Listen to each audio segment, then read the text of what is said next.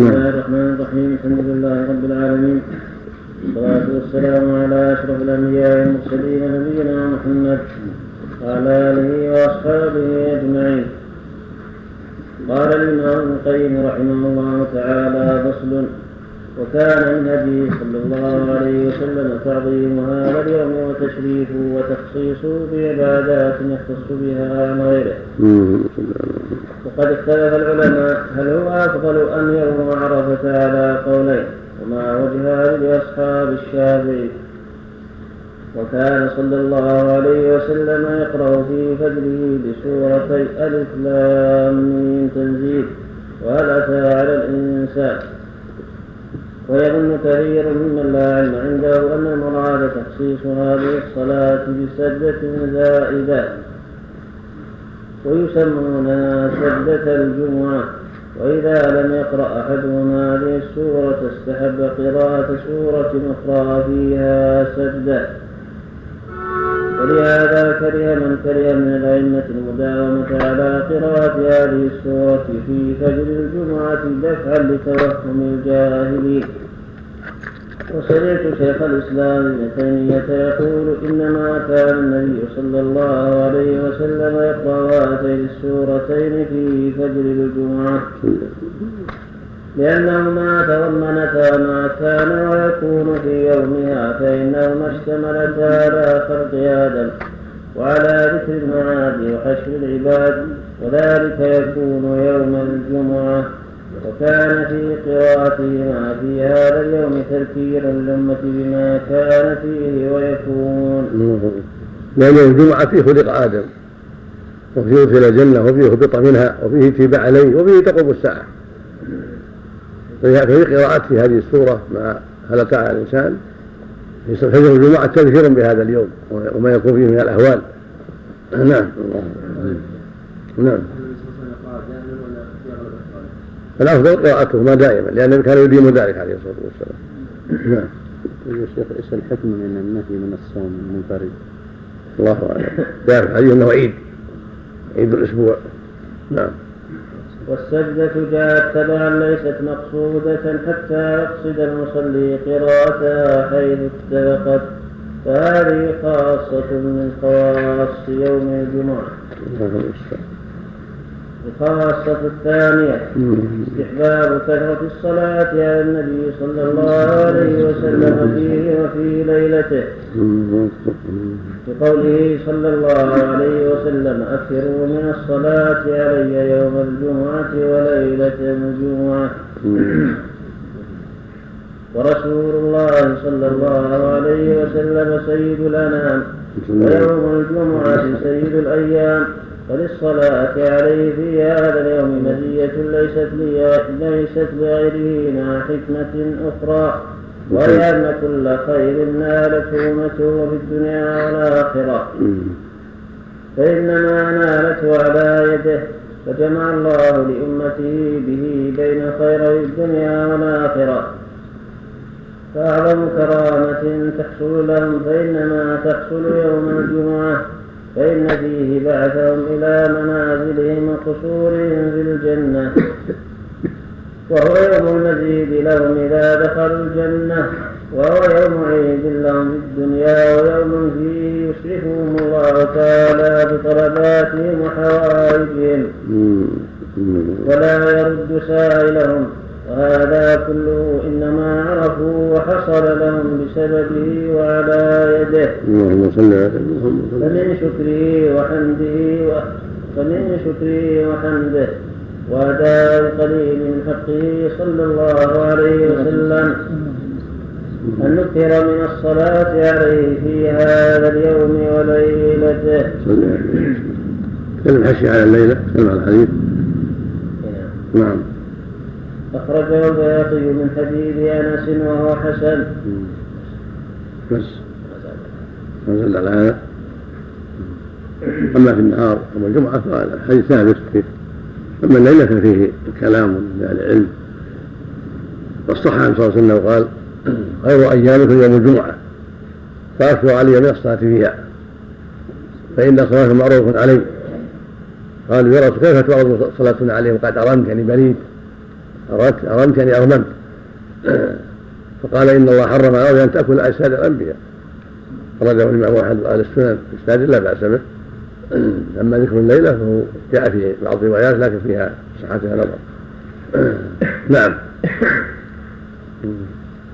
الخاصة الثالثة صلاة الجمعة التي هي من آكد فروض الإسلام ومن أعظم مجامع المسلمين.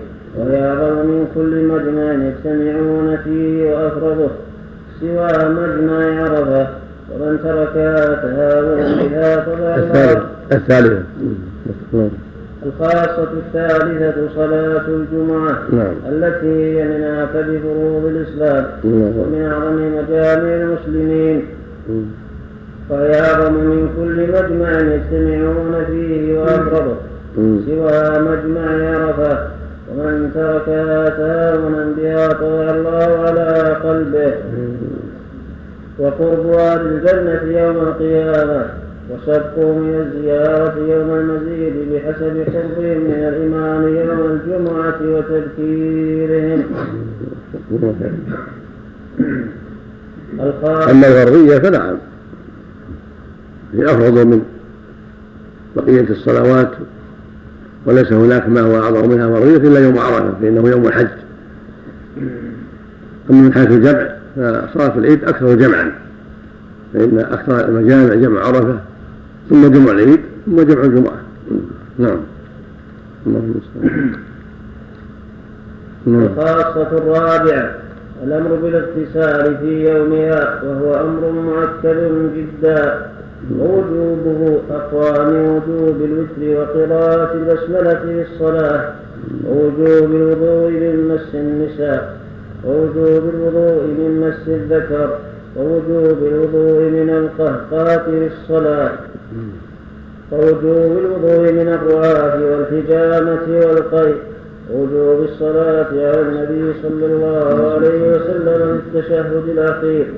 ووجوب القراءة على المأموم وللناس في وجوبه ثلاثة أقوال النفي والإثبات والتفصيل بين من به رائحة يحتاج إلى إزالتها فيجب عليه. ومن هو مستغن عنه؟ فيستحب له. والثلاثة لأصحاب أحمد. والمعنى أن غسل الجمعة فيه ثلاثة أقوال. قيل واجب وقيل مستحب وقيل إنه في يفصل فيه. فمن كان من أهل الأعذار والأعمال وجب عليه لأن في الغالب يكون عنده رائحة كالعمال والصناعات ومن كان من أهل النظافة والرفاهية لا يجب عليه. قال المؤلف ووجوبه أعظم من وجوب كثير من مما أوجبها بعض العلماء. لقول النبي صلى الله عليه وسلم حديث أبي سعيد في الصحيحين غسل يوم الجمعة واجب على كل معتنم صلى الله عليه وسلم من جاء يوم الجمعة فليغتسل. وعلى كل مسلم أن يغتسل في كل أسبوع يعني يوم الجمعة. هذا يدعو على تأكد الوجوب.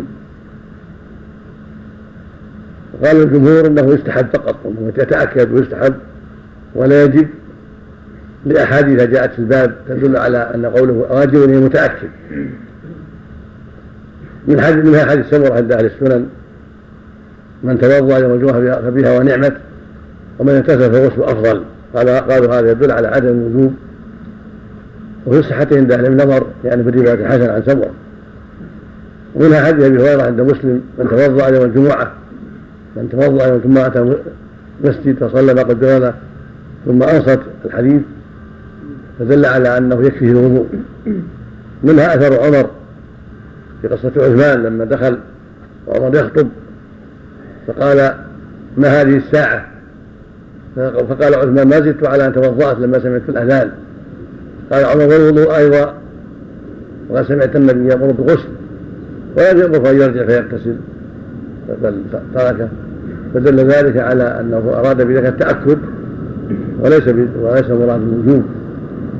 فإذا علم المؤمن هذا هذا الخلاف فينبغي له أن يحرص على الغسل يوم الجمعة لأن قول بالوجوب قول قوي. فينبغي المؤمن أن يحتاط لدينه ويحرص على الاغتسال. ولو قال جمع من أهل العلم أنه ليس للوجوب من باب الحيطة والأخذ بما هو أبرأ للذمة وأقرب للسنة. نعم. كلام مس النساء. نعم قوله من مس النساء يقول من قال بوجوب مس النساء. يعني هذا قول بوجوب وجوب أقوى من قول من قال بوجوب مس النساء ومس الفرد. ونحو ذلك. لكن هذا في التفصيل. بس الفرد فيه السنة الصحيحة. من مس ذكره فليتوضا ثابت عند الطرق. اما مس المراه بالشهوه هذا قول به ضعيف والصواب لا يجب الوضوء المراه مطلقا. لعدم الدليل. ولأنه صلى الله عليه وسلم يقبل بعض النساء ثم يصلي ولا يتوضأ عليه الصلاة والسلام. وأما قوله لا مسوا النساء فليس المراد به مس المراد به الجماع. الله يكلم عن الجماع بالمسيس والمباشرة. سبحانه وتعالى. نعم. الجمهور كيف يجيبون عن حديث ابي سعيد؟ مثل ما سمعت حديث من توضا يوم الجمعه حديث فبها ونعمت حديث سمره أثر عمر نعم. لكن حين ذكر ما هو أقوى من الاغتسال إلى ان وصل؟ وقراءة البسملة في الصلاة يقصد بها الإجهار؟ لا. قراءة سنة مو واجب. قال بعضهم إنها واجبة. الصواب إنها سنة في الصلاة. وليس وليس من الفاتحة ولا من غيرها من السور. وإنما سنة بين السور. ولكنها بعض آية من سورة النبل إنه من سليمان وإنه بسم الله الرحمن الرحيم. فمراد أنه لا يجب قراءته ولكن تستحب. لأن أول الفاتحة الحمد لله رب العالمين. نعم. لأن لو قرأها لو ما قرأها الإنسان صح الصلاة نعم. لكن هذا المقصود بقوله قراءة البسملة في الصلاة أوجبوا إي نعم في الصلاة نعم. الخاصة الخامسة التطيب فيه وهو أفضل من التطيب في من التطيب في غيره من أيام الأسبوع. الخاصة السادسة وهذا سنة مؤكدة الطيب. قد أمر به النبي صلى الله عليه وسلم وحث عليه. قال غسل يوم الواجب على كل محتمل وأن يستاك ويتطيب. كان النبي يتطيب يوم الجمعة ويلبس حسن من الثياب ويستاك عليه الصلاة والسلام. أبلغ من غيره من الأيام. هذا من خصائص الجمعة العناية بالطيب عند توجهه إلى الجمعة. نعم. الخاصة السادسة السواك فيه وله مزية على السواك في غيره. الخاصة السابعة التبكير للصلاة. الخاصة الثامنة أن يشتغل بالصلاة والذكر والقراءة. وأما التبكير فمعروف كما في الحديث الصحيح. المهدى الجمعة المبكر لها كالمهدي بدنة. ومن كان بعد كالمهدي بقرة إلى آخره. ومن كان في الساعة الأولى كالمهدي بدنه هذا يدل على شرعية التبكير. وفضل التبكير. نعم. نعم. الخاصة الثامنة أن يشتغل بالصلاة والذكر والقراءة نعم الخاصة الثامنة حتى يخرج الإمام. الخاصة الثامنة. سمع. صل نعم. بسم الله الرحمن الرحيم. الحمد لله رب العالمين والصلاة والسلام على أشرف الأنبياء والمرسلين نبينا محمد وعلى آله وأصحابه أجمعين. قال الإمام ابن القيم رحمه الله تعالى الخاصة الثامنة أن يشتغل بالصلاة والذكر والقراءة حتى يخرج الإمام. الخاصة التاسعة. الخاصة الثامنة.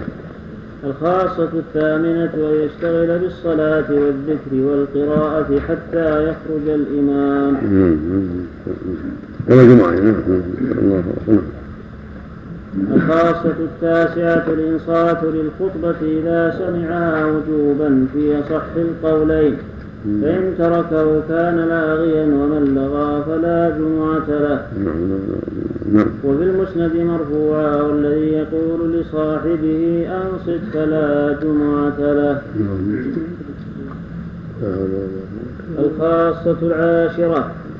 قراءة سورة الكهف في يومها فقد روي عن النبي صلى الله عليه وسلم. من قرأ سورة الكهف يوم الجمعة؟ الخاصة الخاصة العاشرة قراءة سورة الكهف في يومها. نعم. فقد روي عن النبي صلى الله عليه وسلم من قرأ سورة الكهف يوم الجمعة سطع له نور من تحت قدمه إلى عنان السماء يضيء به يوم القيامة وغفر له به يضيء به. إيه نعم. يضيء به يوم القيامة. النسخة الأخرى نفسه مم. نفسه نفس الشيء. مم. فطلع به. راجع. نعم. يقول تحت تعليق الحق تضيء له لعله أصلا. مم. يعتم- كمل نعم. يضيء به يوم الجمعة وغفر له ما بين الجمعتين. كم وذكره سعيد بن منصور من قول أبي سعيد الخدري وهو أشبه. كم؟ كم حديث صحيح أخرجه الحاكم والبيهقي من حديث نعيم بن حماد. عن هشيم عن أبي هاشم عن أبي مجلس عن قيس بن عباد عن قيس بن عباد نعم. عن أبي سعيد الخدري رضي الله عنه رضي الله عنه مرفوعا. ونعيم بن حماد كثير الخطأ وباقي رجاله ثقات. مم. وأخرجه الدارمي في مسنده موقوفا على أبي سعيد الخدري رضي الله عنه ورجاله ثقات. ومثله لا يقال بالرأي فله حكم الرفع.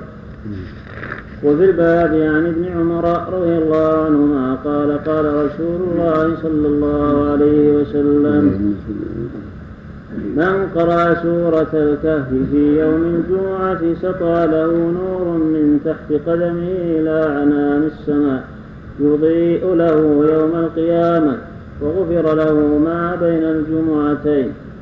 أخرجه أبو بكر بن مردويه في تفسيره فيما ذكره المنذري في الترغيب والترهيب وقال بإسناد لا بأس به. وفي الباب عن علي رضي الله عنه قال قال رسول الله صلى الله عليه وسلم من قرأ سورة الكهف يوم الجمعة؟ وفي الباب. وفي الباب عن علي رضي الله عنه قال قال رسول الله صلى الله عليه وسلم من قرأ سورة الكهف يوم الجمعة فهو معصوم إلى ثمانية أيام من كل فتنة. وروى وروى. وفي الباب. نعم. عن علي رضي الله عنه. نعم. قال قال رسول الله صلى الله عليه وسلم. من قرأ سورة الكهف يوم الجمعة فهو معصوم إلى ثمانية أيام من كل فتنة وإن خرج الدجال عصم منه. أخرجه الضياء المقدسي في الأحاديث المختارة. من طريق عبد الله بن مصعب عن منظور بن زيد بن خالد الجهني عن علي بن الحسين عن أبيه عن علي وعبد الله بن مصعب ضعفه ابن معين. على كل حال يشد بعضها بعضا والمرفوع يؤيد ال- الموقوف يؤيد المرفوع مثل ما قال نفسه لأن مثل هذا ما يقال بالرأي. قد جاء معنى عن المعنى موقوفا أيضا. هو يدل على شرعية قراءة سورة الكهف في يوم الجمعة. ثبت في الصحيحين أن من قرأ عشرا من أولها وعشرا من آخرها حفظ من الدجال. نعم. نعم. قبل الجمعة وبعدها قبل نعم. نعم. القراءة قبل الجمعة وبعدها يستوي. قبل الصلاة وبعدها. نعم نعم. نعم. يوم الجمعة كله نعم. مم. ناخذ فيها شيء في هذا. ناخذ فيها شيء في هذا الموضوع. نعم. نعم. يعني ولو قرأها بعد عصر الجمعة. نعم. الحادية عشرة. أنه لا يكره فعل الصلاة فيه وقت الزوال عند الشافعي رحمه صلح الله له به. يعني به حطها له. مثل ما في رواية نعم. الحادية عشرة أنه لا يكره فعل الصلاة فيه وقت الزوال عند الشافعي رحمه الله ومن وافقه. وهو اختيار شيخنا أبي العباس بن تيمية. ولم يكن اعتماده على حديث ليث عن مجاهد عن أبي الخليل عن أبي قتادة رضي الله عنه عن النبي صلى الله عليه وسلم أنه كره الصلاة نصف النهار إلا يوم الجمعة وقال إن جهنم تسجر إلا يوم الجمعة وإنما كان اعتماده على أن من جاء إلى الجمعة يستحب له أن يصلي حتى يخرج الإمام. وفي الحديث الصحيح لا يغتسل رجل يوم الجمعة ويتطهر ما استطاع من طهر ويدهن من دهنه أو يمس من طيب بيته. ثم يخرج فلا يفرق بين اثنين ثم يصلي ما كتب له. ثم ينصت إذا تكلم الإمام إلا غفر له ما بينه وبين الجمعة الأخرى. رواه البخاري. فندبه إلى الصلاة ما كتب له فندبه إلى الصلاة ما كتب له ولم يمنعه عنها إلا في وقت خروج الإمام. ولهذا قال غير واحد من السلف منهم عمر بن الخطاب رضي الله عنه. وتبعه عليه الإمام أحمد بن حنبل خروج الإمام يمنع الصلاة وخطبته تمنع الكلام فجعلوا المانع من الصلاة خروج الإمام لا انتصاف النهار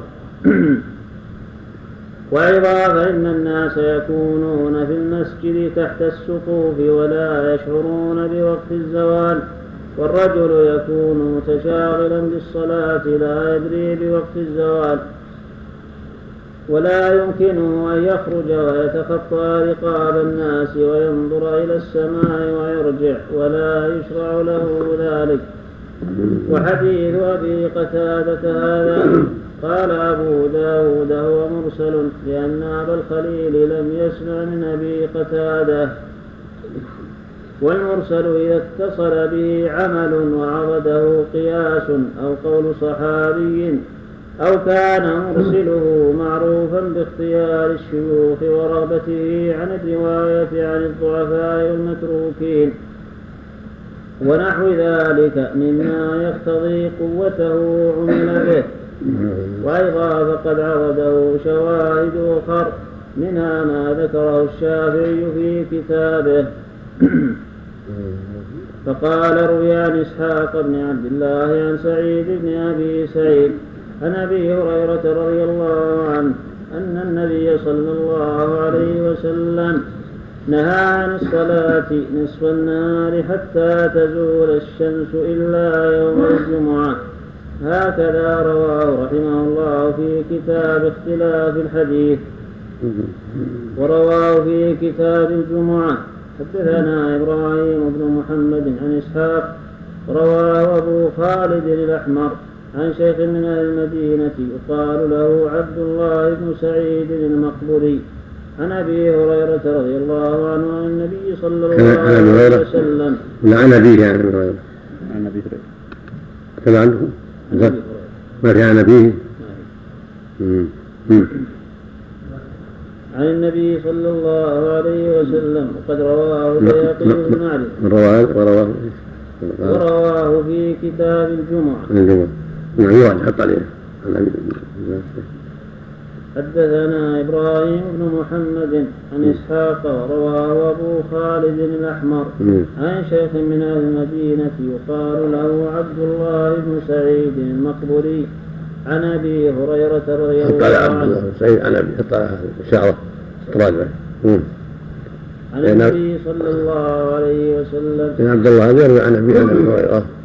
ومضاعف لكن هذه الشواهد لحديث تقوي ما فهمه العلماء والعمدة على حديث الصلاة يوم الجمعة والنبي صلى الله عليه وسلم حث على الصلاة يوم الجمعة حتى يخرج الإمام والصحابة كانوا يصلون حتى يخرج الإمام دليل على أنه ليس فيها وقت نهي نصف النهار وأنها ليست كبقية الأيام ولو كان فيها وقت نهي لقال النبي صلى الله عليه وسلم إلا وقت الزوال لما حثهم على الصلاة حتى يخرج الإمام. كل رحمة الجمعة كلها محل الصلاة إلى خروج الإمام.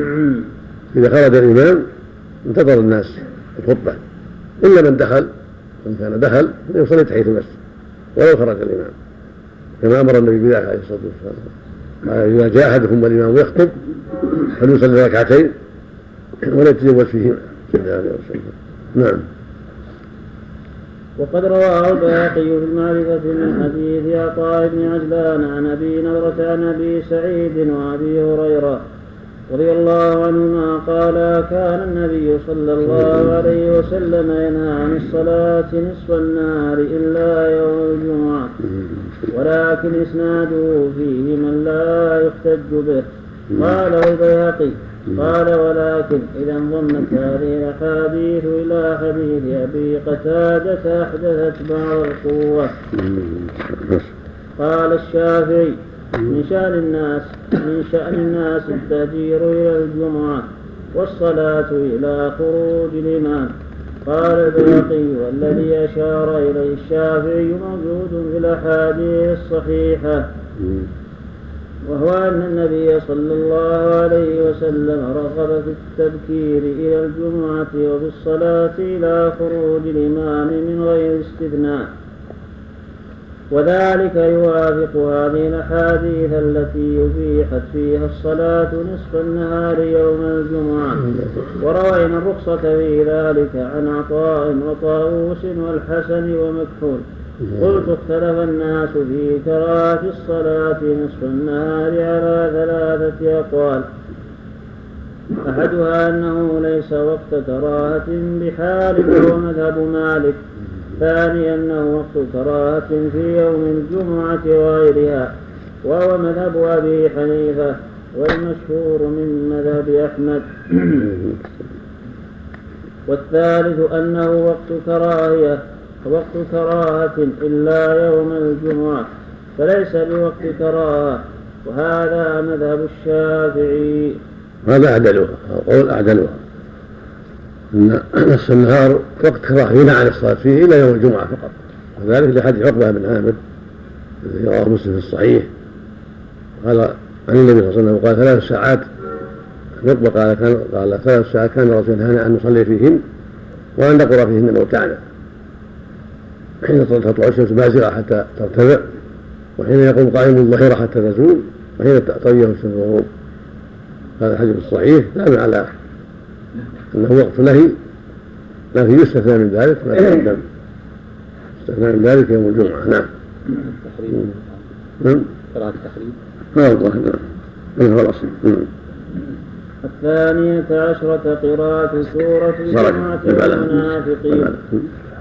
نعم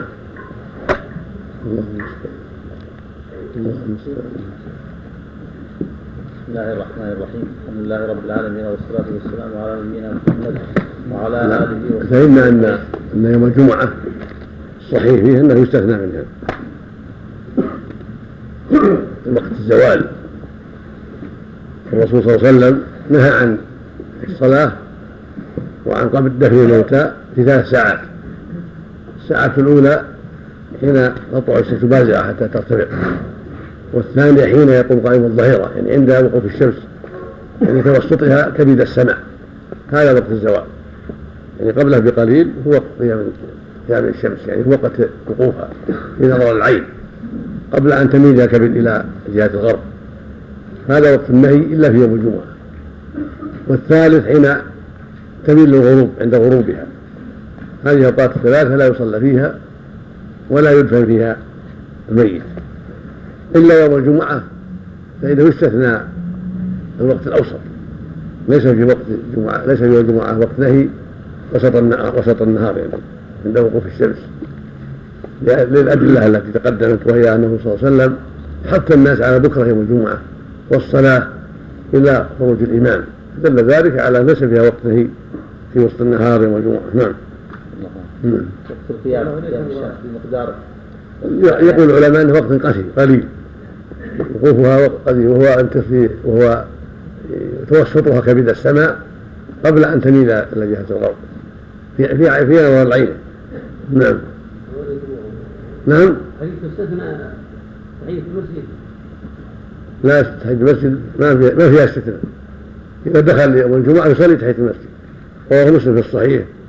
ورمى معناه البخاري رحمه الله. الحاصل أنه إذا دخل والإمام يخطب السنة أنه يصلي ركعتين ولو أن الإمام يخطب أو يؤذن. لكن إذا دخل وهو يؤذن أفضل يصلي ركعتين. يوم الجمعة يوم الجمعة. إذا دخل الإمام يخطب السنة يصلي ركعتين لكن لا يطول. يصلي ركعتين خفيفتين تامتين ليس فيها نقر تامة لكن لا يطول فيها حتى يدرك سماع الخطبة. وإن دخل وهو يؤذن فالأفضل يجيب المؤذن ثم يصلي ركعتين حتى يجمع بين الفضيلتين بين فضيلة إجابة المؤذن وبين فضيلة التحية. نعم. الاوقات الثلاثة الفراغ هذه إذا جاء للمسجد يركع ركعتين تحيه المسجد. تحية المسجد مستثنى في جميع الأوقات نعم. فوات الأسباب مستثنى تحية المسجد وصلاة الكسوف وصلاة الطواف هذه ما لها وقت. نعم. نعم نعم مطلقة نعم. نعم. هذا شيخ حفظك الله. قول القائل. الصلاة اللي ينهي عنها الصلاة اللي ما لها أسباب. نعم. قول القائل بأن الإنسان يدخل وال- والإمام ويؤذن للجمعة. الأولى بها أن يصلي حتى يتفرغ للإنصات يوم الجمعة فإنه واجب. والنبي قال فقال إذا سمعتم مؤذن فقولوا مثل ما يقول جزاك الله خير. هذا في الصحيحين. نعم إذا سمعتم المؤذن فقولوا مثل ما يقول. يعني يفعل هذا وهذا. أفضل له. بارك الله نعم.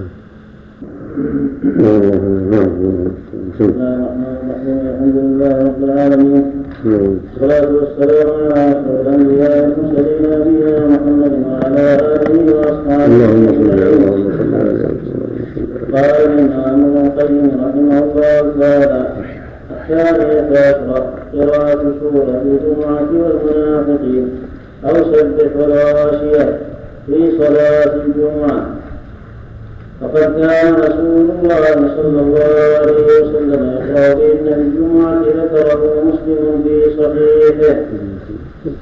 وفيه أيضا أنه صلى الله عليه وسلم كان يقرأ فيها بالجمعة وأتاك حديث الغاشية.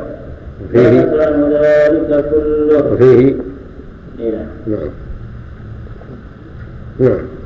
وفيه أيضا أنه صلى الله عليه وسلم فيها بالجمعة وأتاك حديث الغاشية ثبت عنه ذلك كله.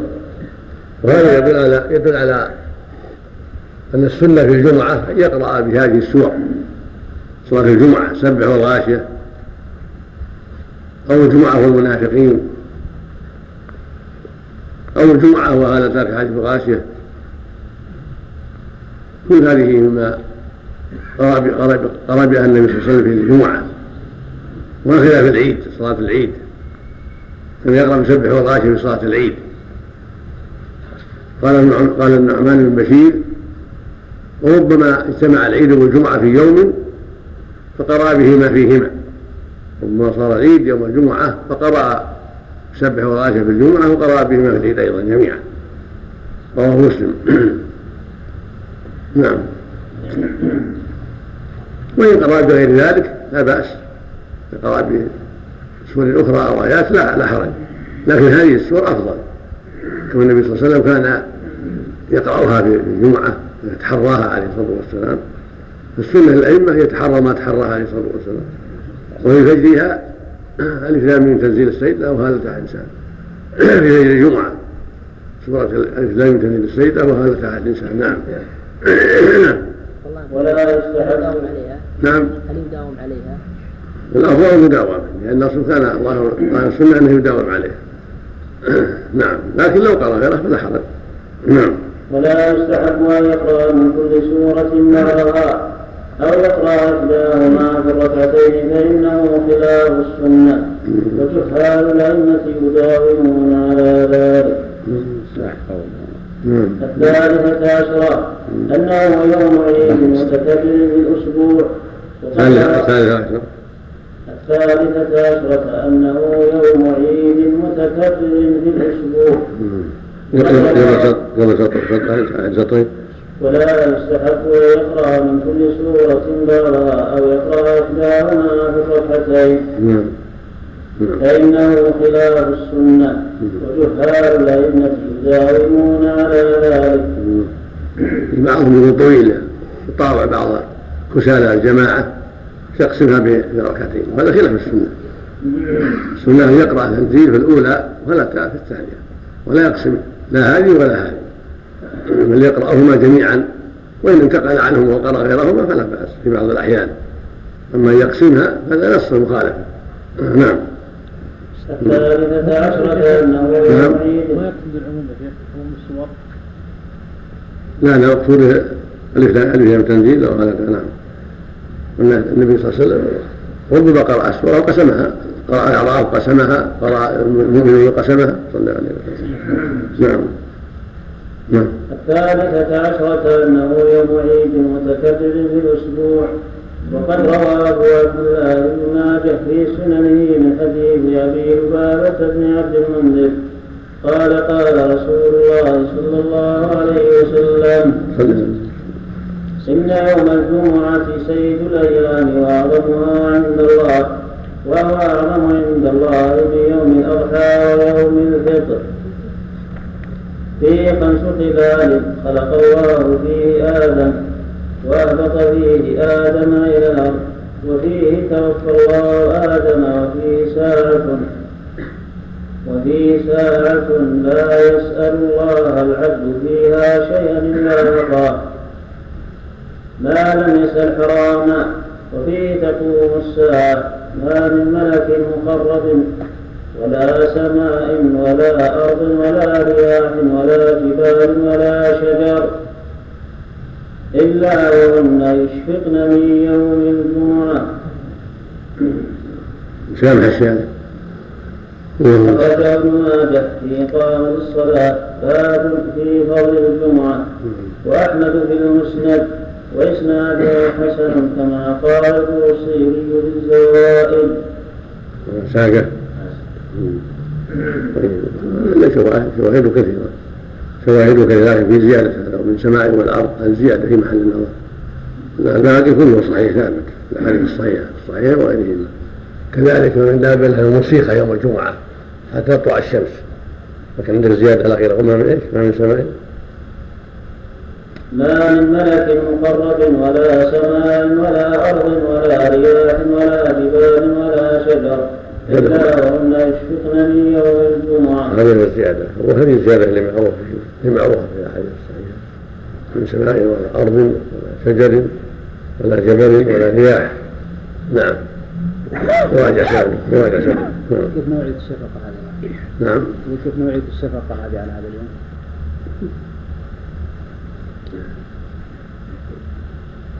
الله أعلم. يمكن من شدة الاهوال يعني. يوم يوم القيامة يكون يوم الجمعة تشد الاهوال وتعظم الاهوال يجمع الله الناس. هذا يصح يصح الخبر بهذه الزيادة. مثل ما قال سبحانه وتعالى ألم ترى أن الله يسبح له السماوات والأرض والشمس والقمر والنجوم والجبال والشجر والدواب هذا السجود والخضوع لله. يليق بهن. نعم. شيء قد تليق بهن؟ نعم. حتى تطلع الشمس الشمس يعني قيامها قبل كان قيامها قبل طلوع الشمس. الله قيامها قبل قبل طلوع الشمس الله الله نعم. نعم. قول رحمه الله في الحديث قبل وجهال الأئمة يداومون على ذلك. ما ترى أنه جاء عليه نعم. قول في الحديث قبل هذا وجهال الأئمة يداومون على ذلك. يداومون على قسم السورة لجهلهم بالعلم الشرعي لجهلهم بالأمر الشرعي. السنة أن لا يقسموها يقرؤون التنزيل في الأولى وهذا في الثانية كما كان النبي يفعل عليه الصلاة والسلام. قال قال ابن مسعود كان النبي يديم ذلك. رواه الطبراني بإسناد جيد. عن ابن مسعود قال كان النبي يديم ذلك يديم قراءة السورتين في الجمعة. في الصحيحين من حديث أبي هريرة النبي كان يقرأ في الجمعة بألف الفجر والجمعة. بألف لام سيدة وفلا تنسى وكان يقتضي الاستمرار. والاستكثار من ذلك. رواية الطبراني صريح بأنه يديم ذلك. كان في حديث ابن عباس عند مسلم كان يقرأ بهما في فجر الجمعة. وظاهر السنة أنه كان يداوم على هاتين السورتين. فإذا داوم الإمام على خلاف ذلك فهذا من جهله يداوم على عكس ما فعله النبي صلى الله عليه وسلم هذا من جهل الإمام. نعم. كان ما يحفظ قرأ من المصحف نعم. إذا كان ما يحفظ قرأ من المصحف. ما في نعم. قلت غير هذا الحديث حفظكم الله يعني إسناد الطبراني. كان لا تفيد الاستمرار حفظكم الغالب لا تفيد الغالب من تأمل ظاهر القرآن وظاهر السنة. من تأمل ظاهر السنة يدل على كان كما وكان الله وهو الرحيم وكان الله سميعا بصيرا وكان عليا كبيرا. هذا معلوم أنه وصفه الدائم سبحانه وتعالى. قول عائشة حفظكم الله. كنت أطيب رسول الله صلى الله عليه وسلم لحله قبل أن يطوف لإحرامه قبل أن يحرم ولحله قبل أن يطوف البيت هذا لم يحدث إلا مرة واحدة. هنا جاء فعل كان كنت. هذا إحرامه وقع أربع مرات جزاك الله طيب ولحله وقع أربع مرات. ولحله قبل أن يطوف عمرة بالبيت الحديبية عمرة القضاء وعمرة الجعرانة وعمرة الحج. أما الحج ما حجنا مرة واحدة. نعم. لكن هذا والعائشة في شيء خاص. ما يلزم منها أن يخص البقية. نعم. هذه هذه اجتهادها فيها شيء قال وفعلت هذا ما يلزم من ذلك من البقية لا. لغة العرب مقدمة. هذا من جنس من جنس لغة العرب. لغة العرب مقدمة على من خالفها. نعم. كلام الشيخ في نعم. على أنه يقسمون الجمعه على تعالى الانسان وهل يحدث الغاشيه؟ لا. لا الظاهر الذي يفعله الناس. مراده الشيء الطويل الذي ما تحمل القسم في الغالب. أكثر ما يقسم الناس سوره التنزيل. السجن هذا أكثر ما يقسم الناس. نعم. أو فلا تعالى الإنسان لطولها نعم. لو قسم غير هاتين الصورتين في غير نعم. لو قسم غير صورتين في لا بأس لا بأس. قسم السوره ما في بأس. مقصود هذا بس. النبي صلى الله عليه وسلم قرأ في بالاعراف في المغرب فقسمها كما في صحيح البخاري. قسم المؤمنون صلاة المؤمنون كما في الصحيح أيضا صلاة الفجر. نعم. والذي يقرأ نعم. يقرأ آخر سورة الجمعة. لا حرج يعني في غير الجمعة؟ في يوم الجمعة. لا لا. ما هو مشروع. السنة يقرأ سورة كاملة نعم. بدي نعم. ما ما سمعت انها قسمها قرأت ام أم هشام سمعت هذا من سورة المرسلات في المغرب. ولا ذكرت انها قسمها نعم.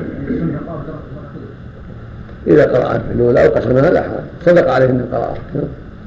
يجوز يقسمها غير الجمعة ماشي. غير الجمعة لا بأس. غير الجمعة لا بأس. قسمها في غير الجمعة في غير الجمعة لا بأس. نعم. الساعة المقصودة في الحديث يا شيخ قبل الصلاة ولا طوال اليوم؟ فيها خلاف بين أهل العلم لكن ينبغي تحرها في اليوم كله.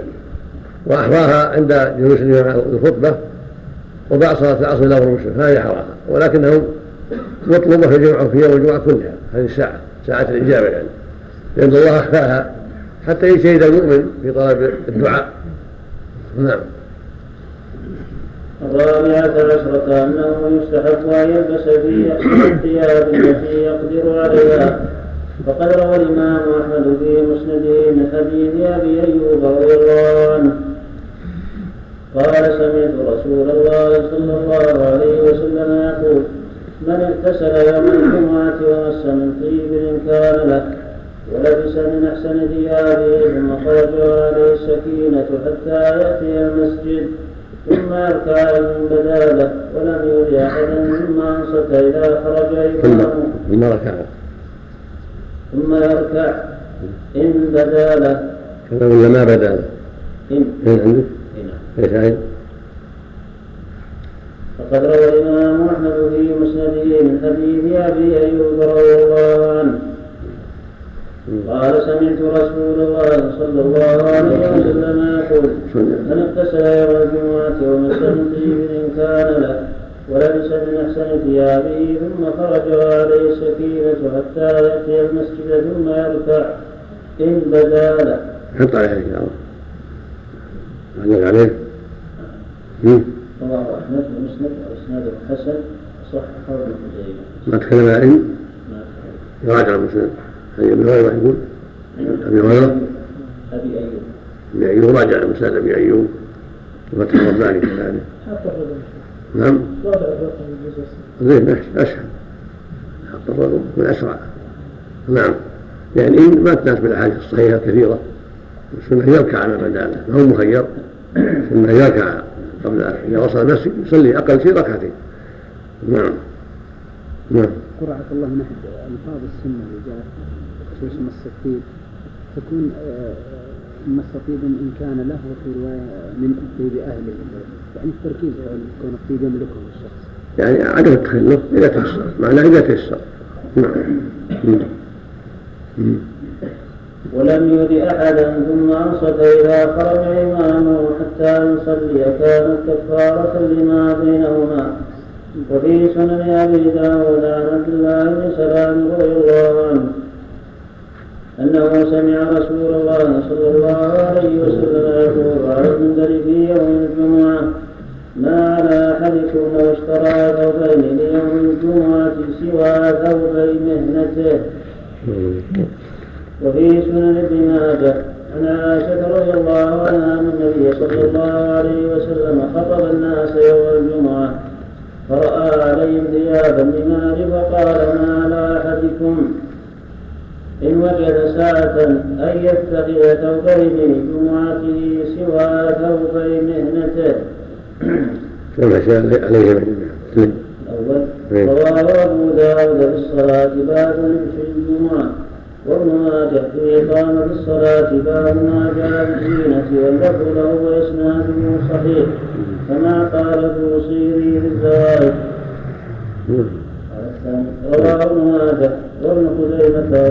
وفي سنن أبي داود عن عبد الله بن سلام رضي الله عنه أنه سمع رسول الله صلى الله عليه وسلم يقول على المنبر في يوم الجمعة ما على أحدكم لو اشترى ثوبين ليوم الجمعة سوى ثوبي مهنته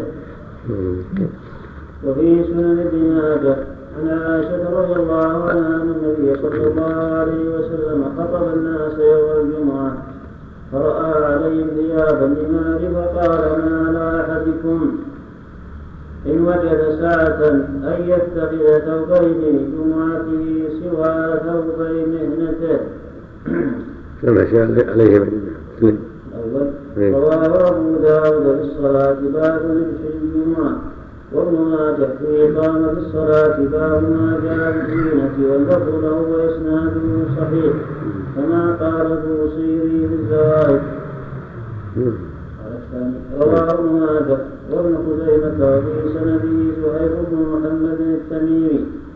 ورواية أهل الشام عنه غير مستقيمة وضعف بسببها والراوي عنه هنا عمرو بن أبي سلمة بن أبي سلمة التنيسي أبو حفص. أبو حفص الدمشقي. لكن يشهد له الحديث الذي قبله فهو صحيح. به. هذا حديث عمر لما رأى سنة إلى طارق لو اشتريتها لوجه الجمعة. نعم. نعم. الخامسة عشرة أنه يستحب فيه تدبير المسجد وقد ذكر سعيد بن منصور. بركة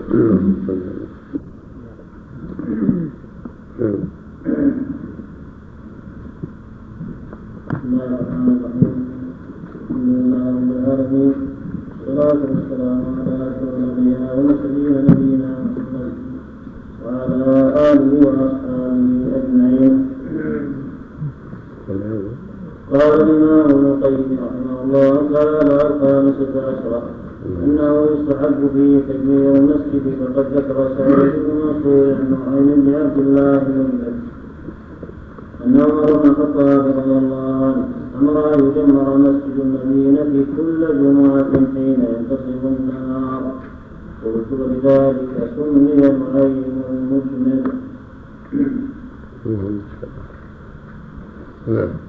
السادسة عشرة أنه لا معلوم أن تغيير المساجد وتطيبها أمر مشروع دائما الجمعة وغيرها. هذا إن صح عن عمر بعض ما شرع الله. مشروع أن تطيب المسجد يوم الجمعة وهذا من سنة الخلفاء الراشدين إذا ثبت عن عمر يعني ما ذكر سند المؤلف وقال سعيد وصح عن الرسول أنه قال أنه أمر المساجد أن تنظف وأن تطيب. نعم. نعم. يكون ظاهره أنه رضي عن عمر بن الخطاب رضي الله عنه أمر. اللي عندهم اللي عندهم عندي أمر. الآخر أنا خاضر عندك عن عمر. وقد ذكر سعيد بن منصور عن نعيم بن عبد الله المجمل أن عمر بن الخطاب رضي الله عنه أمر أن يجمر مسجد المدينة كل جمعة حين ينتصر النار. قلت ولذلك سمي نعيم المجمل. نعم. السياق امره لا أقول لا. هذا عن عمر رضي الله عنه أن عمر بن الخطاب رضي الله عنه نعم. أمر أن يجمر مسجد المدينة في كل جمعة إيه. حين ينتصف النهار. عن نعيم كذا عن عن نعيم عن نعيم بن عبد الله البجلي إيه أن عمر بن الخطاب نعم الله أنه أمره نعم. نعم. أنتم عندكم ها؟ لا لا ما. أمره أظهر لا أظهر نعم. السادسة عشرة أنه لا يجوز السفر في يومها لمن تلزمه الجمعة قبل فعلها بعد دخول وقتها. وأما قبله فللعلماء ثلاثة أقوال هي روايات منصوصات عن أحمد. أحدها لا يجوز والثاني يجوز والثالث يجوز للجهاد خاصة. وأما مذهب الشافعي رحمه الله فيحكم عنده إنشاء السفر يوم الجمعة بعد الزواج وله في سائر الطاعة وجهان أحدهما تحريمه وهو اختيار النووي والثاني جوازه وهو اختيار الرافعي وأما السفر قبل الزواج فللشافعي فيه قولان القديم جوازه. والجديد أنه كالسفر بعد الزواج وأما مذهب مالك فقال صاحب التفريع ولا يسافر أحد يوم الجمعة بعد الزوال حتى يصلي الجمعة ولا بأس أن يسافر قبل الزوال والإختيار أن لا يسافر إذا طلع الفجر وهو حاضر حتى يصلي الجمعة. وذهب ابو حنيفة إلى جواز السفر مطلقا. وقد روى الدار قطني في الأبراد من حديث ابن عمر رضي الله عنهما أن رسول الله صلى الله عليه وسلم قال من سافر من دار إقامته يوم الجمعة دعت عليه الملائكة ألا وروى وروى وروى وقد روى الدار قطني في الأفراد من حديث ابن عمر رضي الله عنهما. أن رسول الله صلى الله عليه وسلم قال من سافر من دار إقامته يوم الجمعة دعت عليه الملائكة ألا يصحب في سفره وهو من حديث ابن لهيعة وفي علق علق عليه. نعم نعم. نعم. وفي مسند الإمام أحمد من حديث الحكم عن مقسم عن ابن عباس رضي الله عنهما. قال بعث رسول الله صلى الله عليه وسلم عبد الله بن رواحة في سرية. فوافق ذلك يوم الجمعة؟ قال بعد أصحابه. وقال أتخلف وأصلي مع رسول صلى الله عليه وسلم ثم ألحقهم. فلما صلى النبي صلى الله عليه وسلم رآه فقال ما منعك أن تغدو مع أصحابك؟ فقال أردت أن أصلي معك ثم ألحقهم. فقال لو أنفقت ما في الأرض ما أدركت صل وسلم وعل هذا الحديث بأن الحكم لم يسمع من مقسم هذا إذا لم يخف المسافر فوت رفقته. فإن خاف فوق رفقته وانقطاعه بعدهم. جاز له السفر مطلقا. لأن هذا عذر. لأن هذا عذر يسقط الجمعة والجماعة. ولعل ما روي عن الأوزاعي أنه سئل عن مسافر سمع أي سند هذا سند. أبو رواحة حدثنا قال من؟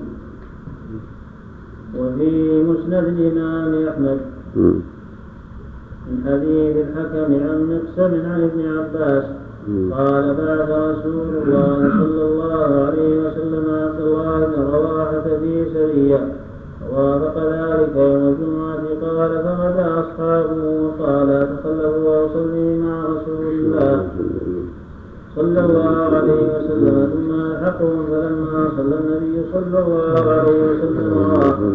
فقال ما منعك أن تغدو مع أصحابك؟ فقال أردت أن أصلي معك ثم ألحقهم فقال أنفقت ما في الأرض ما أدركت فضل غزوتهم وأعل هذا الحديث بأن الحكم لم يسمع من مقسم. كلام حشيشين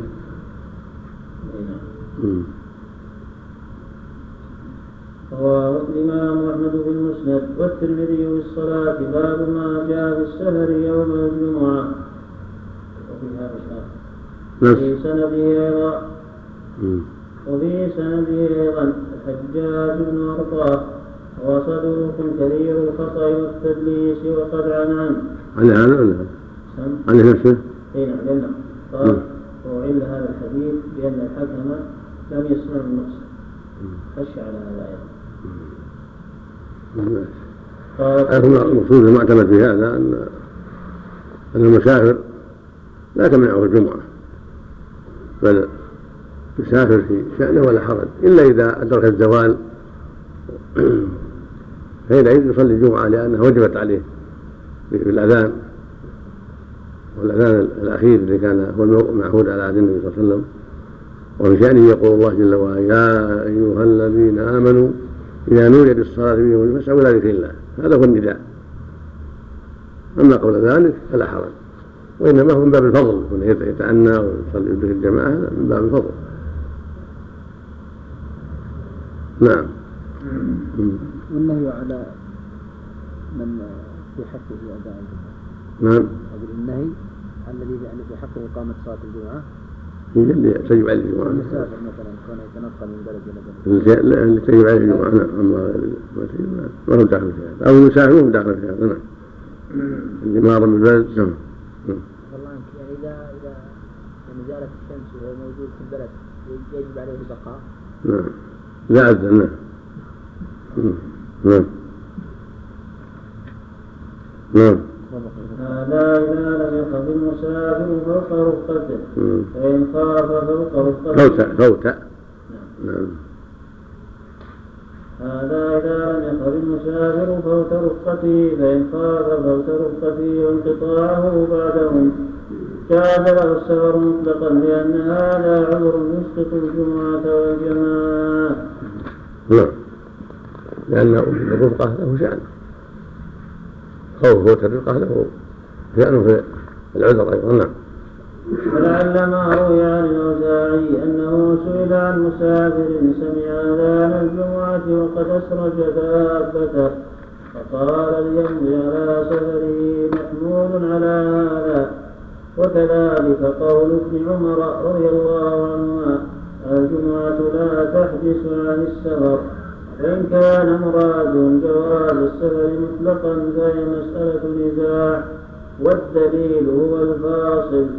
على أن عبد الرزاق قد روى في مصنفه عن معمر عن خالد الحذاء؟ عن ابن سيرين وغيره أن عمر بن الخطاب رضي الله عنه رأى رجلا عليه ثياب سفر بعدما قضى الجمعة. فقال ما شأنك؟ قال أردت سفرا فكرهت أن أخرج حتى أصلي. فقال عمر إن الجمعة لا تمنعك السفر ما لم يحضر وقتها. هذا قول من يمنع السفر بعد الزوال ولا يمنع منه قبله.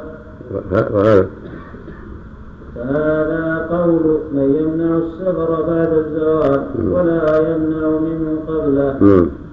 وذكره عبد الرزاق أيضا عن الثوري عن الاسود بن قيس عن ابيه قال اصر عمر بن الخطاب رجلا عليه في السفر. وقال الرجل إن اليوم يوم جمعة ولولا ذلك لخرجت. فقال عمر إن الجمعة لا تحبس مسافرا فاخرج ما لم يحن الراح وذكر أيضا عن الثوري عن ابن أبي ذئب. عن صالح بن كثير عن الزهري قال خرج رسول الله صلى الله عليه وسلم. من كثير كذا؟ صالح بن كثير؟ إي نعم. وذكر وذكر وذكر أيضا عن الثوري من؟ وذكر من هو؟ عبد الرزاق. نعم نعم. وذكر أيضا عن الثوري عن ابن أبي ذئب عن صالح بن كثير عن الزهري قال خرج رسول الله صلى الله عليه وسلم مسافرا يوم الجمعة ضحى قبل الصلاة. وهذا مرسل نعم نعم نعم قال وهو مرسل وصالح بن كثير مجهول. نعم شوف عندنا في التقريب مقبول نعم. في التقريب مقبول. صالح بن كثير نعم. المدني مقبول من التابع أبو داود في المراكب هذا قاعدة حيث توب إذا توبع. نعم. وذكر عن معمر قال سألت يحيى بن أبي كثير هل يخرج الرجل يوم الجمعة؟ فكره فجعلت أحدثه بالرخصة فيه. فقال لي قلما يخرج رجل في يوم الجمعة إلا رأى ما يكره. لو نظرت في ذلك وجدته كذلك. من؟ من هو؟ وقال من؟ وذكر عن معمر نعم. قال سألت يحيى بن أبي كثير نعم. هل يخرج الرجل يوم الجمعة فكره. فجعلت أحدثه بالرخصة فيه فقال لي قلما يخرج رجل في يوم الجمعة إلا رأى ما يكره. لو نظرت في ذلك وجدته كذلك. نعم وذكر ابن المبارك عن الأوزاعي عن حسان بن أبي عطية قال إذا سافر الرجل يوم الجمعة دعا عليه النهار ألا يعان على حاجته ولا يصاحب في سفره. وذكر الأوزاعي عن ابن المسيب أنه قال السفر يوم الجمعة بعد الصلاة. قال ابن جريج قلت لعطاء أبلغك أنه كان يقال إذا أمسى في قرية جامعة من ليلة الجمعة فلا يذهب حتى يجمع. قال إن ذلك ليكره قلت فمن يوم الخميس؟ قال لا. ذلك النهار فلا يضره. هنا نجيب أبي زائدة حسان بن أبي. هذا من إيش؟ العطية. عندك وذكر ابن المبارك إيه. عن الأوزاعي عن حسان بن أبي عطية. المعروف بن عطية هذا عليه المعروف حسان بن عطية نعم. وش بس مثله؟ هنا ابن هزم مم.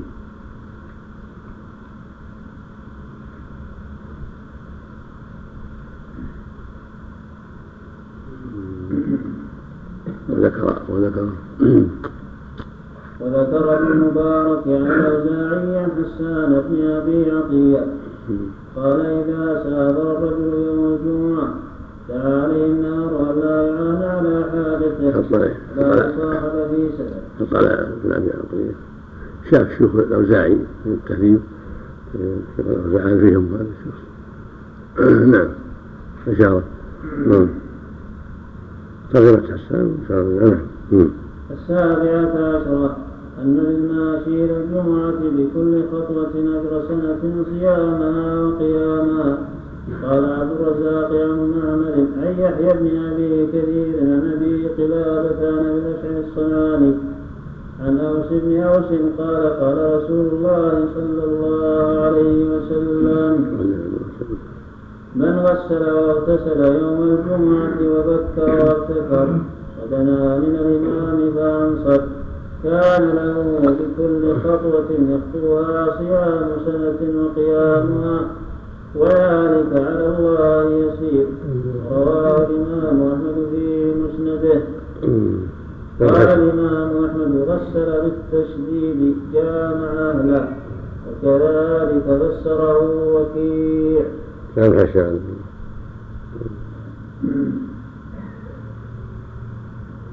رواه أحمد في المسند.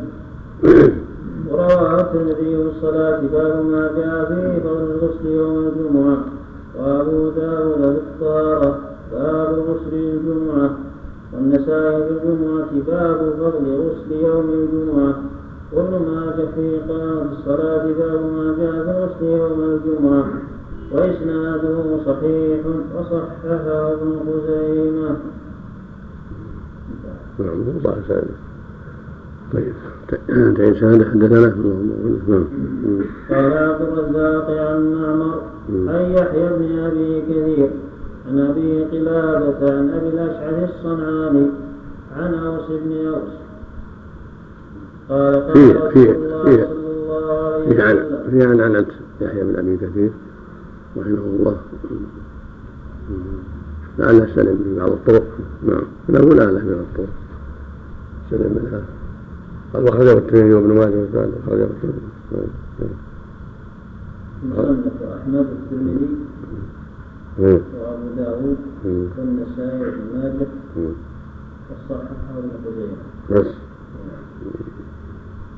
لعل ابن خزيمة رواه بالسماع لعله لعله نعم. وهذا وهذا هو بالتخفيف والتشديد نعم. نعم. الثامنة عشرة أنه نعم. تكفير السيئات. قول الشيخ شعيب عن صالح بن كثير مقبول. وقول الحافظ في التفسير مقبول.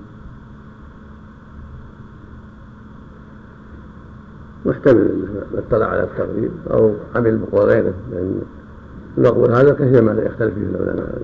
يذكر الحافظ المقبول يذكر غيره من أبي حاتم وفلان وفلان جماعة في التهذيب أنه مجهول. لعل اختار قول خلاف قول الحافظ والمقبول إنما ينفع إذا توبع. نعم. نعم. فقد روى الإمام أحمد في مسنده عن سلمان قال قال لي رسول الله صلى الله عليه وسلم أتدري ما يوم الجمعة؟ قلت هو اليوم الذي جمع الله فيه أباكم آدم. قال ولكني أدري ما يوم الجمعة. لا يتطهر الرجل فيحسن فيحسن طهوره ثم يأتي الجمعة فينصف. حتى يقضي الإمام صلاته إلا كانت كفارة لما بينه وبين الجمعة المقبلة. ما اجتنبت المقتلة. وفي المسند أيضا من حديث عطاء الخراساني عن نبيشة الهذلي أنه كان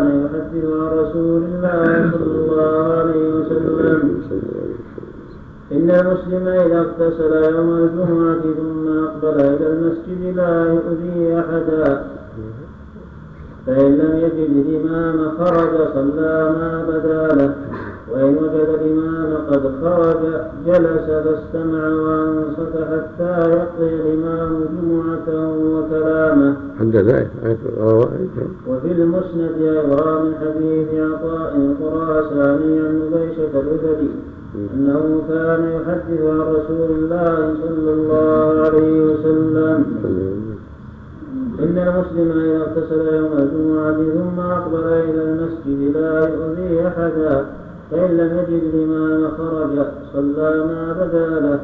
وإن وجد الإمام قد خرج جلس واستمع وأنصت حتى يقضي الإمام جمعته وكلامه. إن لم يغفر له في جمعته تلك ذنوبه كلها أن تكون كفارة للجمعة التي تليها. وفي صحيح البخاري. وفي هذا نظر لأن الأحاديث الصحيحة دالة على أنه ولو خرج الإمام السنة أن يصلي ركعتين عطاء الخراساني به ضعف سوء حفظ. إن سلم الإسناد قبل عطاء. إنما ذكر إلا عطاء. إن سلم الإسناد إلى عطاء فهذه رواية عطاء لا يعرض بها الأحاديث الصحيحة. قد ثبت عنه صلى الله عليه وسلم الصحيح الأمر بأن يصلي من دخل ركعتين. قال قل فصلي ركعتين. جاء أحدكم الإمام يخطب فليصلي ركعتين ولا تجوز فيهما. هذا هو الصواب ما نعم. قال هنا مجتنبة المقتلة. كبيرة. ما تكلم حكي على عطاء. ما تكلم على عطاء. معناه أن الكبائر تمنع من غفران السيئات نسأل الله العافية. مثل الحديث الآخر الصلاة الخمس والجمعة الجمعة. ورمضان رمضان كفارات لما بينهن إذا اجتنب الكبائر. ما لم توفي الكبائر. فهكذا تقدمه إلى الجمعه وهكذا وضوءه. إنما يحصل له المغفرة إذا اجتنب الكبائر وهي المقتلة نسأل الله السلامة. نعم. كلمة دنا من الإمام يعني بكر حتى يكون الصف الأول. نعم. بسم الله الرحمن الرحيم. نعم. وعطاء لم يسمع من نبيشة هذه علة علة الانقطاع بس. لا عليك. مم. ورواه أحمد في المسند. قال المنذري في الترغيب والترغيب رواه أحمد وعطاء لم يسمع من أعلم مم. وقال الهيثمي في المجمع رواه أحمد ورجاله رجال الصحيح خلا خلا شيخ أحمد وهو ثقة. نعم. كلام الهيثمي قد يحصل له تساهل. يحصل به تساهل كثير. نعم. بسم الله الرحمن الرحيم. الحمد لله رب العالمين. والصلاة والسلام على الأنبياء والمرسلين نبينا محمد وعلى آله وأصحابه أجمعين. قال الإمام القيم رحمه الله تعالى وفي صحيح البخاري عن سلمان رضي الله عنه قال قال رسول الله صلى الله عليه وسلم لا يغتسل رجل يوم الجمعة ويتطهر ما استطاع من طهر ويدعن من دونه أو يمس من طيب بيته ثم يخرج فلا يفرق بين اثنين. ثم يصلي ما كتب له ثم يمسك إذا تكلم الامام إلا غفر له ما بينه وبين الجمعة الأخرى. وفي مسند أحمد من حديث ابي الدرداء رضي الله عنه. قال قال رسول الله صلى الله عليه وسلم من اغتسل يوم الجمعة ثم لبس ثيابه ومس طيبا إن كان عنده ثم مشى إلى الجمعة وعليه السكينة رواه رواه في المسلم وفي مسند أحمد من حديث أبي الدرداء رضي الله عنه قال قال رسول الله صلى الله عليه وسلم من اغتسل يوم الجمعة ثم لبس ثيابه. كلا نعم. ثم لبس ثيابه. نعم نسخ الأخرى نسخ الأخرى. سواء سواء. لبس. ثيابه. نعم. ثم لبس ثيابه ومس طيبا إن كان عنده ثم مشى إلى الجمعة وعليه السكينة. يعني يعني ثيابه المعدة للجمعة يعني ثيابه الحسنة المعدة للجمعة لأنه يستحب أن يخص أن تخص الجمعة بثياب حسنة يخصها بثياب جميلة كما يخصها بالعناية بالغسل والطيب نعم ولم يتخطى أحدا ولم يؤذه نعم. وكان انتظر حتى ينصرف. الإمام وتكون طاهرة. لا تكون ثياب فيها جمال إما جديدة ولا مغسولة يخصها بثياب خاصة يعني, يعني يمينة أو مغسولة على- على حسب التيسير. نعم. نعم. التاسعة عشرة. نعم. أن جهنم تسبح هذا؟ معلش. رواه أحمد بن مسند من حديث حرب بن قيس عن أبي الدرداء. لم يسمع من الدرداء لكن له حديث أبي سعيد وأبي هريرة عند أحمد.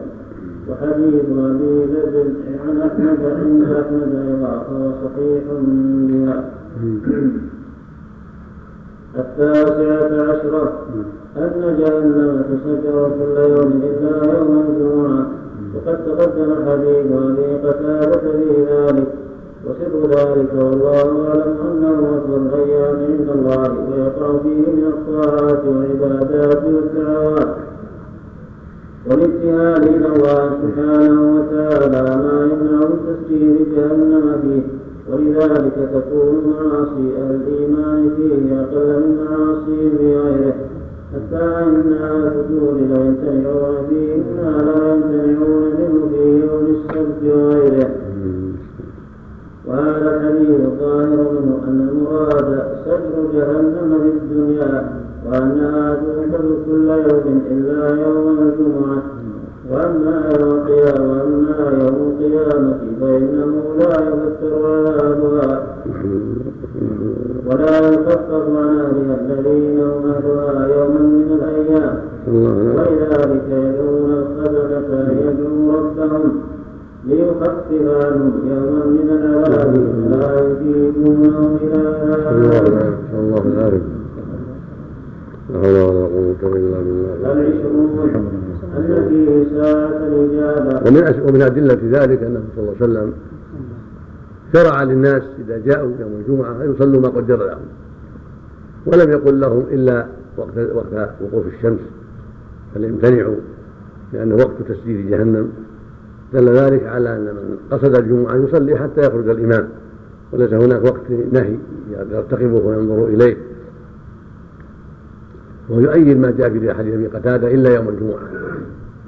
وإن كان فيه ضعف لكن الحديث الصحيحه الكثيره داله على أن من قصد الجمعة إذا أتى المسجد يصلي ما قدر الله له.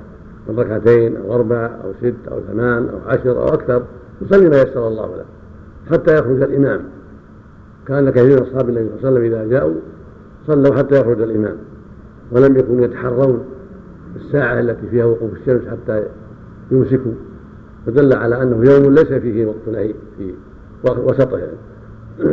والله أعلم مثل ما قال المؤلف يعني يوم عظيم تكثر فيه الخيرات ويجتمع فيه المسلمون يعني للصلاة بين يدي ربهم جل وعلا والثناء عليه وتذكيرهم بحقه سبحانه وتعالى هو خير فهو خير يوم طلعت عليه الشمس.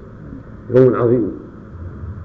فلهذا رفع الله فيه الحرج عن المسلمين في في وسطه وهو عند وقوف الشمس وجعله محل عبادة ومحل ذكر وعناية وتفكير فيما ينبغي حتى يخرج الإمام. نعم. نعم. العشرون أن فيه ساعة الإجابة.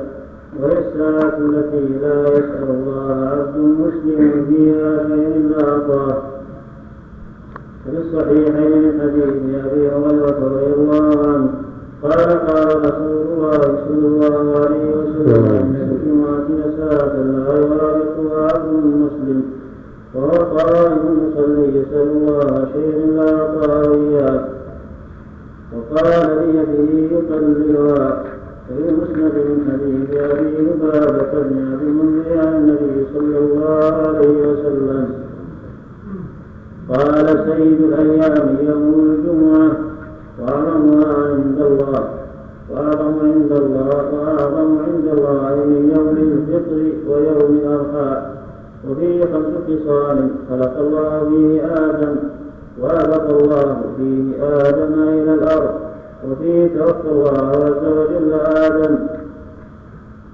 وفي ساعة لا يسأل الله العبد فيها شيئا إلا آتاه الله إياه ما لم يسأل حراما.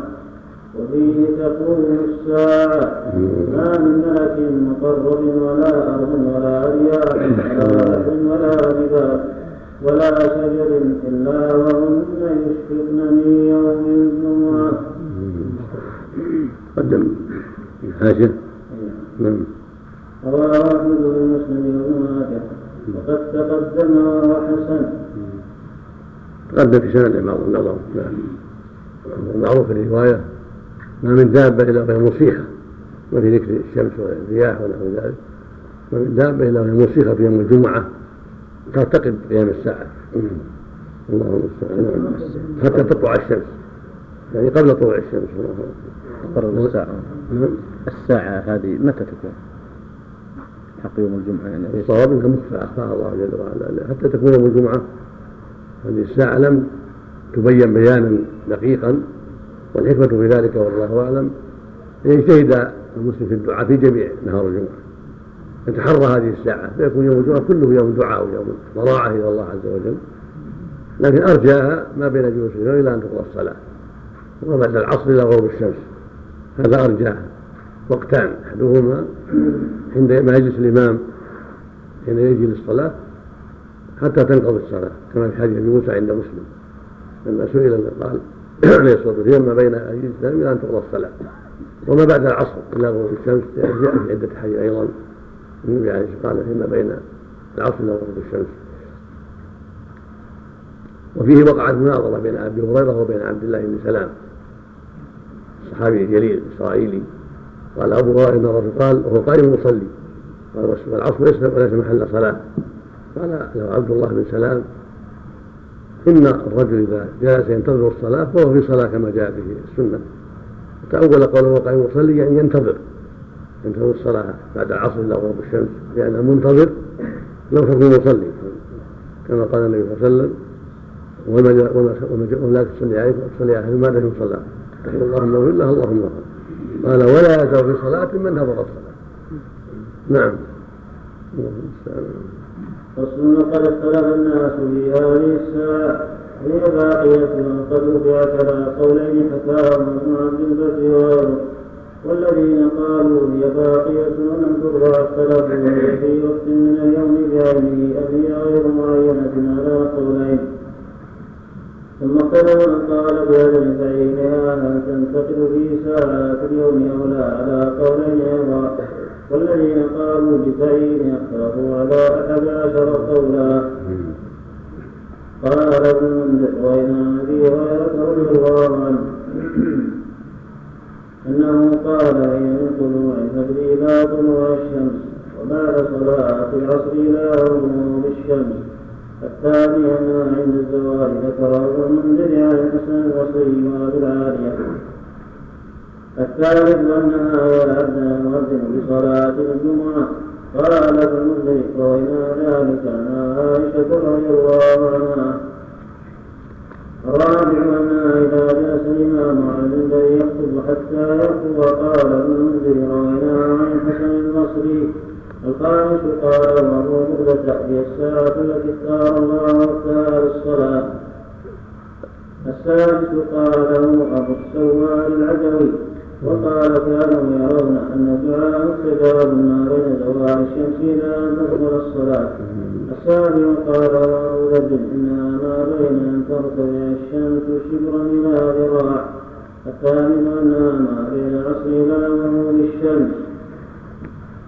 قال أبو هريرة وعطاء وعبد الله بن سلام وطاووس حكى ذلك كله ابن المنذر التاسع أنها آخر ساعة بعد العصر وقول أحمد وجمهور الصحابة والتابعين العاشر أنها من دين خروج الإمام إلى قضاء الصلاة أتاه النووي وغيره الحادي عشر أنها الساعة الثالثة من النهار.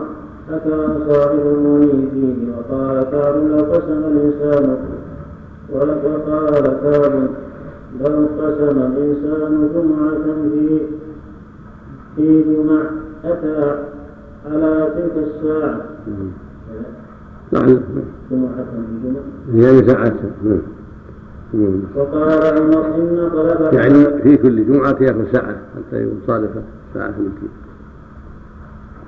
من ساعة الجمعة من طلوع الفجر إلى غروب الشمس يحسبها ويعدها ثم يدعو في كل جمعة من استقبل قدر ساعة. حتى ينهي الساعات فيكون قد صادف صلاة الجمعة في هذه الجمعات الكثيرة التي عد فيها هذا. ما له حاجة نعم. يتحرى الإنسان والحمد لله يدعو نعم. وقال عمر إن طلب حاجة في يوم ليسير وارجح هذه الاقوال قولان تضمنتهما الأحاديث الثالثة وأحدهما أرجح من الآخر.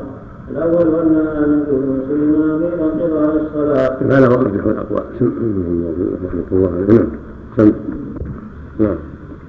بسم الله الرحمن الرحيم. الحمد لله رب العالمين. الصلاة والسلام على أشرف الأنبياء والمرسلين نبينا محمد وعلى آله وأصحابه أجمعين. قال الإمام ابن القيم رحمه الله تعالى أرجح هذه الأقوال قولان فمن أكمل الأحاديث الثالثة وأحدهما أرجح من الآخر. الأول أنها من جلوس الإمام إلى الصلاة. هذا القول ما رواه مسلم في صحيحه من حديث أبي بردة بن أبي موسى. أن عبد الله بن عمر قال له أسمعت أباك يحدث عن رسول الله صلى الله عليه وسلم في شأن ساعة الجمعة شيئا قال نعم سمعته يقول سمعت رسول الله صلى الله عليه وسلم يقول هي ما بين يجلس الإمام إلى أن تقوى الصلاة وروى ابن ماجه الترمذي من حديث عن ابن عظيم المزني عن النبي صلى الله عليه وسلم قال ساعة لا يسأل الله لا يسأل الله العبد فيها شيئا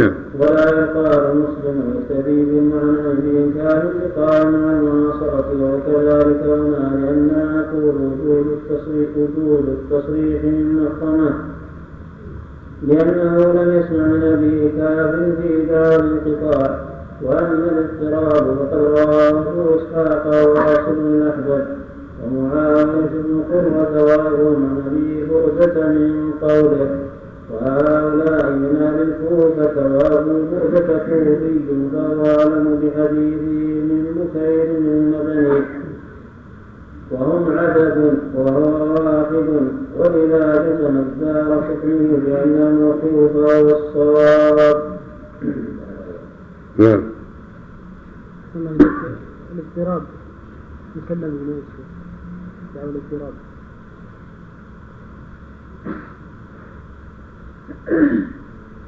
فيه نظر. والأقرب والأظهر أن اتصاله ورفعه أولى لأن القاعدة الوجادة ثابتة تقوم مقام السماع. وقد روى مسلم عن مخرمة حديث كثيرة عن أبيه بهذه الطريقة احتجوا بها. هذا إذا سلمنا عدم سماعه من أبي هذا الحديث نفسه. وأما دعوى أن أبا بردة قاله من نفسه ولم يرفعه النبي صلى الله عليه وسلم هذا لا لا يضر لأن الراوي قد ينشط يروي الحديث ويرفعه وقد يضعف أو يشغل فلا يرفعه. هذا واقع كثيرا المرفوع لا يعارض فالموقوف لا يعارض المرفوع. المرفوع الذي أثبته الراوي الثقة لا يضره وقفه في بعض الأحيان. وهذا واقع من كثير من الصحابة ومن بعدهم والإنسان يعرف هذا من نفسه.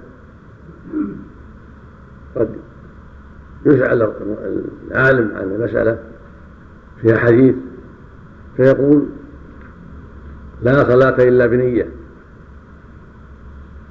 لا صيام إلا بنية إنما الأعمال بالنيات ولا يرفعه ولا يتكلم عن النبي. لأن أمر معروف قاعدة معروف. وقد ينشط بعض الأحيان ويكون عنده سعة. فيقول قال الرسول صلى الله عليه وسلم أو حدثني فلان عن فلان عن أنه قال إنما الأعمال بالنيات. هكذا قد يسأل عن الصلاة بغير طهارة. فيقول لا صلاة إلا بطهارة. لا تقول صلاة بغير طهور. ولا يعزو النبي صلى الله عليه وسلم لأنه معروف معلوم. قد ينشط ويقوى ويكون عنده ساعة من الوقت فيروي الحديث ويستسوي حدثني فلان فعن النبي وسلم قال لا لا تصلى بغير طهور المقصود أنه قد يقف الحديث لأسباب قد يسوقه بإسناده عند الحاجة إلى ذلك أو عند ساعة الوقت وقد يحمله هذا أنه معروف عندما وقف عندهم معروف أنه هو النبي صلى الله عليه وسلم قد عرفوه منه. فالحاصل إن هذه العلة فيها نظر نعم. نعم. نعم. أنا عمرو بن عوف ابن ماجه في قام بالصلاة باب ما جاء بالساعة التي ترجع الجمعة والترمذي بالصلاة باب ما جاء بالساعة التي ترجع في يوم الجمعة. وفي سنده كثير بن عبد الله بن عمرو بن عاصم المزني وهو ضعيف. ومع ذلك وقد قال الترمذي حسن غريب وقال المنذري بالترغيب والترغيب كثير بن عبد الله واهم من الله نعم وقد حسن له الترمذي هذا وغيره وصحح له حديثا في الصلح وانتقى الكفار تصحيحه له بل وتحسينه والله اعلم وقال الحافظ بن حجر في الفتح ورواه ابن ابي شيبه من طريق مغيرة عن واصل احمد عن ابي برده قولا نعم. نعم.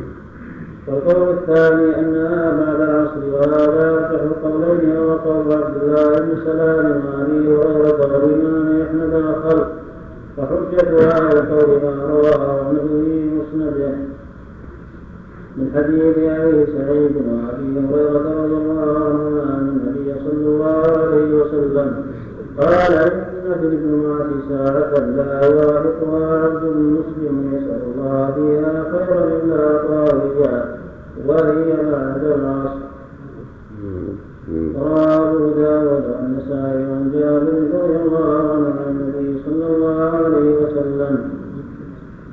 قال يوم الجمعة اثنا عشر ساعة اثنا عشر ساعة فيها ساعة لا يوجد مسلم يسأل الله فيها شيئا. وروى. وروى أبو داود والنسائي عن جابر رضي الله عنه. عن النبي صلى الله عليه وسلم